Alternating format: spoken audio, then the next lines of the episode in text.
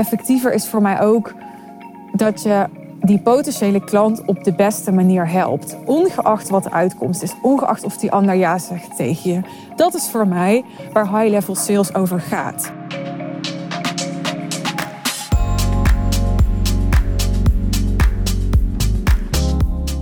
Wat wil je doen wanneer iemand een sales call afzegt voordat dat gesprek heeft kunnen plaatsvinden?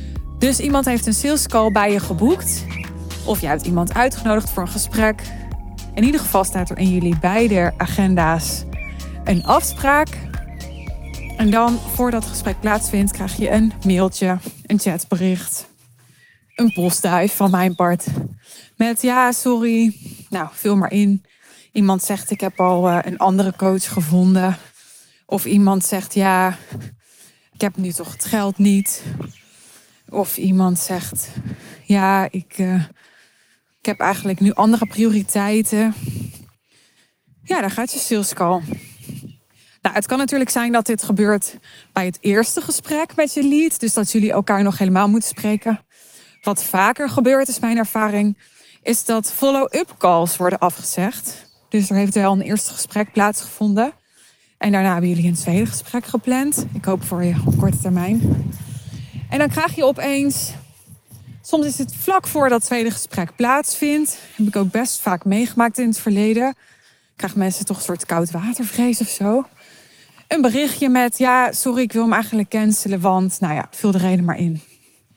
Ik krijg dit soort situaties best wel vaak voor mijn neus van klanten. Dus het leek me goed hier een aflevering over op te nemen voor je. Nou, voordat ik inhoudelijk verder praat, heel even de commercial break. Dit is natuurlijk een sales podcast. En wat heb ik? Een sales event. Nou, leuk hè? 13 oktober, High Level Sales van Intensive. Heb je nog geen early bird tickets, dan wil ik je bij deze van harte uitnodigen om die wel te claimen. Dat kan via de link in de show notes. Het is uh, het event van het jaar. Als je wil leren hoe je veel betere, veel meer en in een meer continue stroom high-level leads naar je toe trekt. Heel aantrekkelijk bent voor high-end klanten en ze ook daadwerkelijk converteert voor jouw high-end aanbod. Plus als je wil weten wat er voor nodig is om bijvoorbeeld veel hogere prijzen te kunnen vragen. En uh, die hoge prijs ook te kunnen dragen. Super belangrijk hè? dat je er zelf ook helemaal verkocht op bent. Ik wil iedereen kan zeggen, mijn aanbod kost nu 50.000 euro. Maar het moet ook, ja, you have to back it up, zegt ze altijd zo mooi in het Engels. Dus uh, daar ga ik je allemaal bij helpen. 13 oktober, het is ook gewoon een feestje. Het is ook gewoon een business event met topondernemers. Waar je gewoon bij wilt zijn, omdat je op die energie echt nog weken kan teren. Echt waar. Als ik deze podcast heb opgenomen, heb ik nog een keer door de evaluatieformulieren gelopen vandaag. Nou, ik heb heel veel antwoorden gelezen op de vraag: wat maakt dit event anders dan andere business events? En ik hoorde elke keer ja, eh, kwetsbaarheid, authenticiteit, het niveau van de deelnemers. Nou, ik hoorde dat niet, ik las het. Uh, de energie, de één op één coaching, waar Suus heel goed in is. Dankjewel, dankjewel. Tot zover de commercial break. Nu even inhoudelijk op de vraag. Het hangt natuurlijk heel erg van de situatie af wat je wil doen. Ja, is een heel flauw antwoord, maar het is wel echt waar. Want anders dan, ja, dan kon ik net goed een betaalde podcast verkopen. En dan was er ook geen persoonlijke begeleiding in mijn traject meer nodig natuurlijk. Maar ik kan je wel wat richtlijnen geven, wat handvatten geven. Waar je ook vast al een heel eind mee geholpen bent.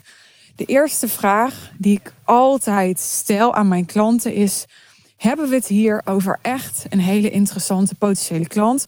Of is de sales call met iemand waarvan je denkt, nou ja, eigenlijk voor jou tien anderen. En um, twijfelde zelf ook al of het passend was. En ja, voor mij zit alleen maar een bevestiging dat jij nu afzegt dat, dat dit hem niet gaat worden.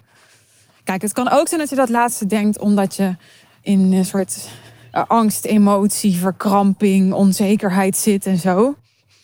Dan is het eigenlijk net de verkeerde bevestiging. Dan heb je jezelf misschien een ander verhaal te vertellen dan je op dit moment doet. Maar het kan ook gewoon zo zijn dat je echt zuiver voelt van, ah, ja, dit was eigenlijk wat er toch al moest gebeuren, namelijk dat wij gewoon niet moeten gaan werken met elkaar. Dat is altijd goed om even na te gaan, want dat is namelijk heel bepalend voor ja, wat je verder wil doen en hoeveel energie je nog in, in die relatie wil steken en in dat gesprek wilt steken. Nou, stel je denkt nee, dit lijkt me echt een hele toffe klant om mee te werken. En ik denk, voor zover je iemand al kent, hè, afhankelijk van of jullie elkaar al gesproken hebben, wat je weet over iemand, dat er inderdaad een match is. Nou, in dat geval zou ik reageren. Nee, ik zou sowieso even reageren, maar ook in dit geval zou ik dan reageren. En wat dan belangrijk is in reactie, is dat je erkenning geeft aan wat op dat moment waarheid is voor die persoon. Dus die persoon komt misschien met een verhaal, met een reden, met een bezwaar waarom die nu dat gesprek niet door wil laten gaan. En het zou heel goed kunnen zijn dat jij denkt, ja, maar ja, ik heb tien andere klanten en die hadden dat bezwaar ook. En die hebben wel ja gezegd en die zijn hartstikke blij mee. Of stel, het gaat om een, een tweede gesprek, hè, dat iemand afzegt bij je. En uh, iemand geeft als reden van ja, ja, ik moet toch eerst mijn uh, verbouwing afmaken. Ik noem maar wat. Maar jij hebt in dat eerste gesprek met die lead besproken hoe belangrijk het is voor die persoon om niet te wachten totdat die verbouwing klaar is, maar dat hij nu al een stap wil zetten met jou. Ja, dan kan je eerste reactie, je eerste impuls zijn van, nou wat een bullshit hè. Dat kan. En toch is het heel belangrijk om mee te gaan in de beleving van die persoon, in de perceptie van die persoon. Van ja, wat die persoon op dit moment als waarheid ziet. En dat wil niet zeggen dat jij dezelfde waarheid moet zien. En dat wil niet zeggen dat je iemand uh, gelijk moet geven of dat je het eens moet zijn met iemand. Sterker nog, het is heel belangrijk, denk ik. En ook jouw rol om eerlijk te zijn. Maar die erkenning is ook belangrijk, want die erkenning die maakt dat iemand zich gezien voelt. Die creëert uh, een bepaalde mate van veiligheid. Dus hoe doe je dat dan, Suus? Nou, uh, dat kan al door even te zeggen van... Uh, hey, ik heb je reactie gelezen en hè, ik, ik begrijp wat je zegt en ik snap het helemaal. Of joh, hè, wat vervelend dat je tot deze conclusie bent gekomen. Als je merkt dat, dat iemand dat vervelend vond of vindt. Hè. Anders hoef je dat niet te zeggen. Dus je toont empathie. En je laat merken dat je iemand ziet, hoort of begrijpt. Vervolgens wil je niet in een discussie belanden. Je wil dus niet alsnog of jezelf gaan verdedigen of die ander gaan aanvallen. En nu denk je natuurlijk, ja, ik zit in een salesproces, natuurlijk ga ik die ander niet aanvallen, maar aanval is super subtiel. En ze zeggen wel eens, verdediging is ook aanval.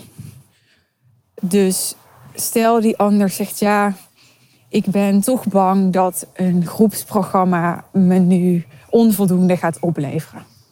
En jullie waren in gesprek over een groepsprogramma. Je verkoopt een groepsprogramma.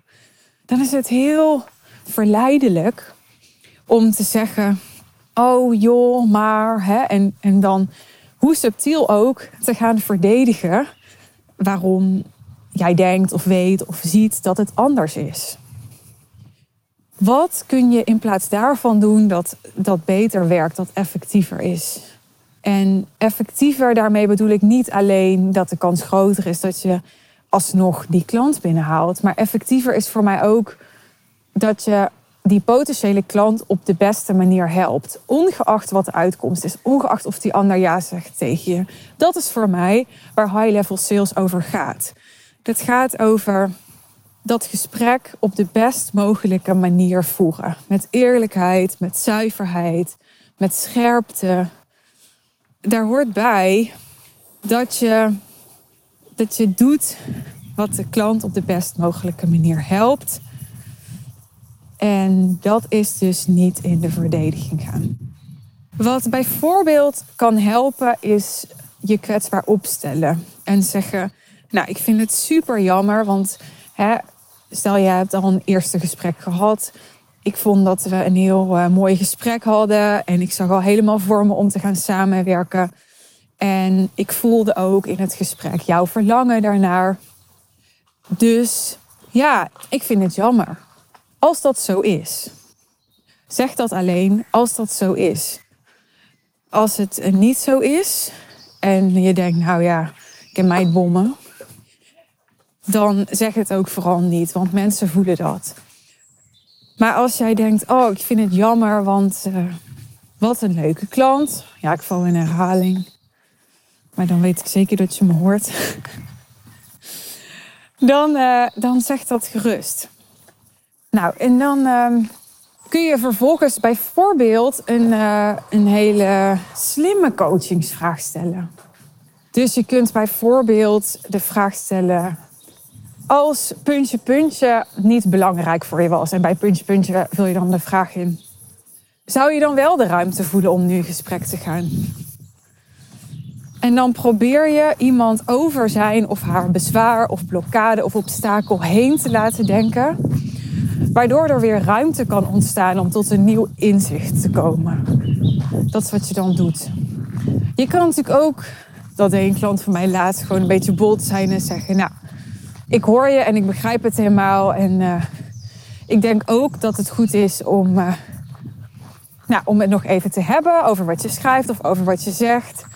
Dus ik stel voor dat we het gesprek gewoon laten doorgaan. En uh, dan zien we wel, alles is goed. Weet je wel? Dus je kan ook gewoon wel begrip hebben en zeggen: Nou, ja, mijn voorstel is dat we toch gewoon in gesprek gaan vanmiddag. Dat kan je ook doen. Dus er zijn heel veel verschillende benaderingen mogelijk. Ik zei al, hè, dit wordt sowieso een beetje een generalistisch verhaal en het hangt helemaal van jouw situatie af. Maar waar het altijd op neerkomt is, blijf dicht bij ja, wat voor jou klopt. Wees echt eerlijk, wees authentiek.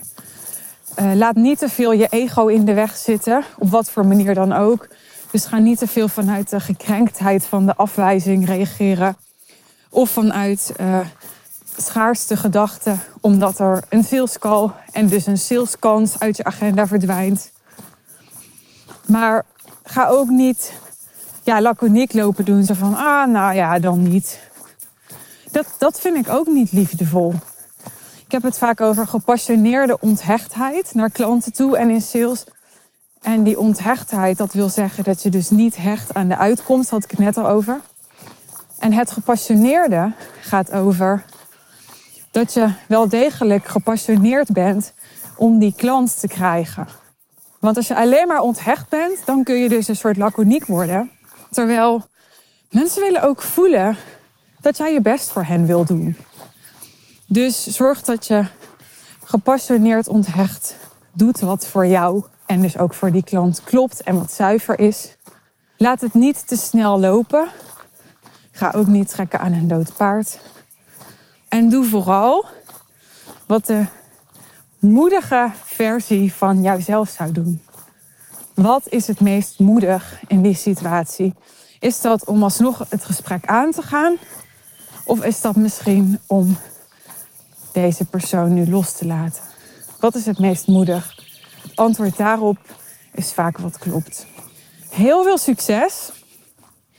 Mocht je hierop willen reageren of mocht er iets onduidelijk zijn, je mag en kan me DM'en op Insta. Mocht je me nog niet volgen daar, mijn Instagram vind je in de show notes. En wil je mijn persoonlijke begeleiding bij uh, dit soort vraagstukken, niet alleen op het gebied van sales, maar ook van je niche, van je positionering, het daadwerkelijk helpen en coachen van klanten. He, door al die weerstanden heen trekken en slepen. Maar ook uh, ja, je marketing, events, copywriting, video's, netwerk, webinars. Alles wat voor jou werkt en voor jou klopt. Om nog maar eens een keer dat woord erin te gooien. Om zo simpel en zo winstgevend mogelijk door die omzet van 1 miljoen per jaar te breken. Wil je mijn persoonlijke begeleiding daarbij? En die van mijn team, die mij ondersteunt, wat ook toppers zijn. Dan boek gerust je call over mijn business traject, de Real Deal, via de link in de show notes. Again. Oké, dat was hem voor deze aflevering. Heel graag tot de volgende keer. Bye bye.